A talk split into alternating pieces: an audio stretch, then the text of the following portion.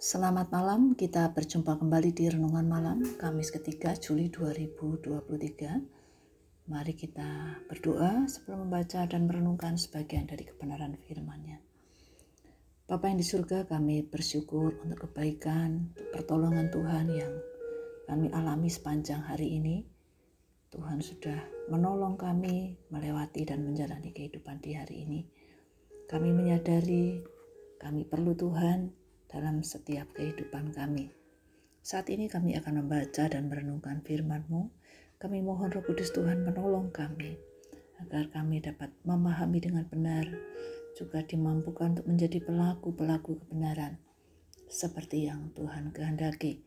Berbicaralah ya Tuhan, kami siap untuk mendengar. Dalam nama Tuhan Yesus kami berdoa. Amin. Mari kita memperhatikan dari Injil Yohanes pasal 11 ayat 1 hingga ayat yang keempat. Demikian firman Tuhan.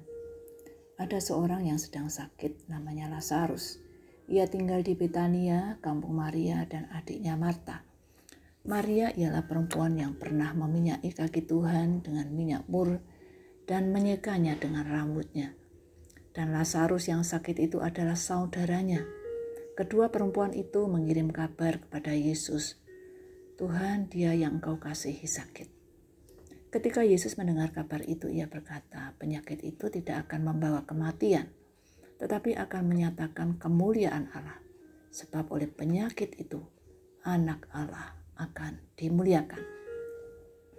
Dalam hidup ini, tidak ada seorang pun yang mau sakit, dan tidak ada seorang pun yang kebal terhadap penyakit.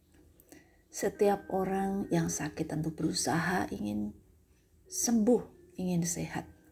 Berbagai macam cara dilakukan. Ke dokter, minum obat, istirahat yang cukup, menghindari makanan yang dilarang dokter dan sebagainya. Bukan hanya orang yang sakit yang ingin sembuh, orang yang berada di sekitarnya pun, saudara-saudaranya dari orang yang sakit pun juga mengharapkan supaya jika salah satu anggota keluarganya sakit, segera sembuh. Alkitab mencatat ketika Lazarus sedang sakit. Saudara-saudaranya, Marta dan Maria datang memberitahukan pada Yesus. Mereka percaya bahwa Yesus dapat menyembuhkan Lazarus yang sedang sakit saat itu. Mereka menunjukkan kepeduliannya, kasihnya kepada Lazarus yang sedang mengalami kelemahan tubuh Hal ini menunjukkan adanya ikatan sebagai saudara yang sedang mengalami pergumulan, ikut merasakan apa yang sedang dirasakan oleh saudaranya. Maria dan Marta mengungkapkan semuanya kepada Tuhan mengenai apa yang sedang mereka alami saat itu. Yang mereka sampaikan kepada Tuhan bukan bermaksud Maria dan Marta menyuruh, memaksa, dan mendesak Tuhan untuk menyembuhkannya. Tetapi hal ini mengajarkan sering kali kita sebagai orang-orang percaya ketika mengalami persoalan kita memaksakan kehendak keinginan kita supaya Tuhan segera memberikan pertolongan segera memenuhi apa yang kita minta. Setelah Maria dan Marta memberikan kabar kepada Tuhan Yesus bahwa saudaranya sakit, Tuhan pun mengatakan bahwa penyakit itu tidak akan membawa kematian, tetapi akan menyatakan kemuliaan Allah. Sebab oleh penyakit itu anak Allah akan dimuliakan.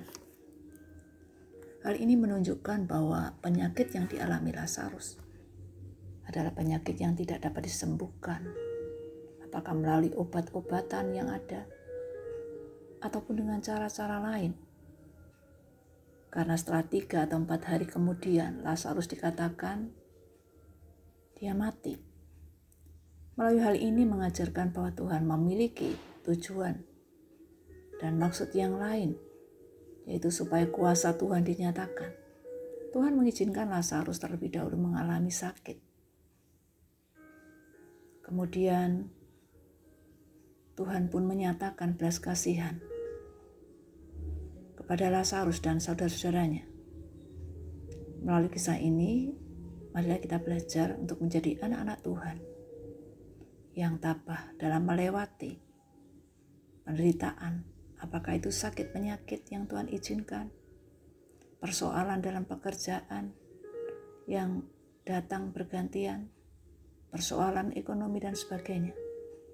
Marilah kita menyadari bahwa semuanya itu untuk menyatakan kemuliaan Tuhan dalam kehidupan kita.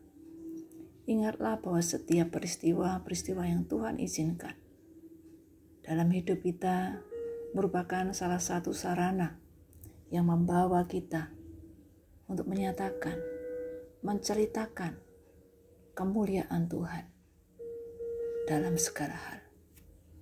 Tuhan menolong kita untuk menyatakan kemuliaan Allah lewat hidup kita. Mari kita berdoa.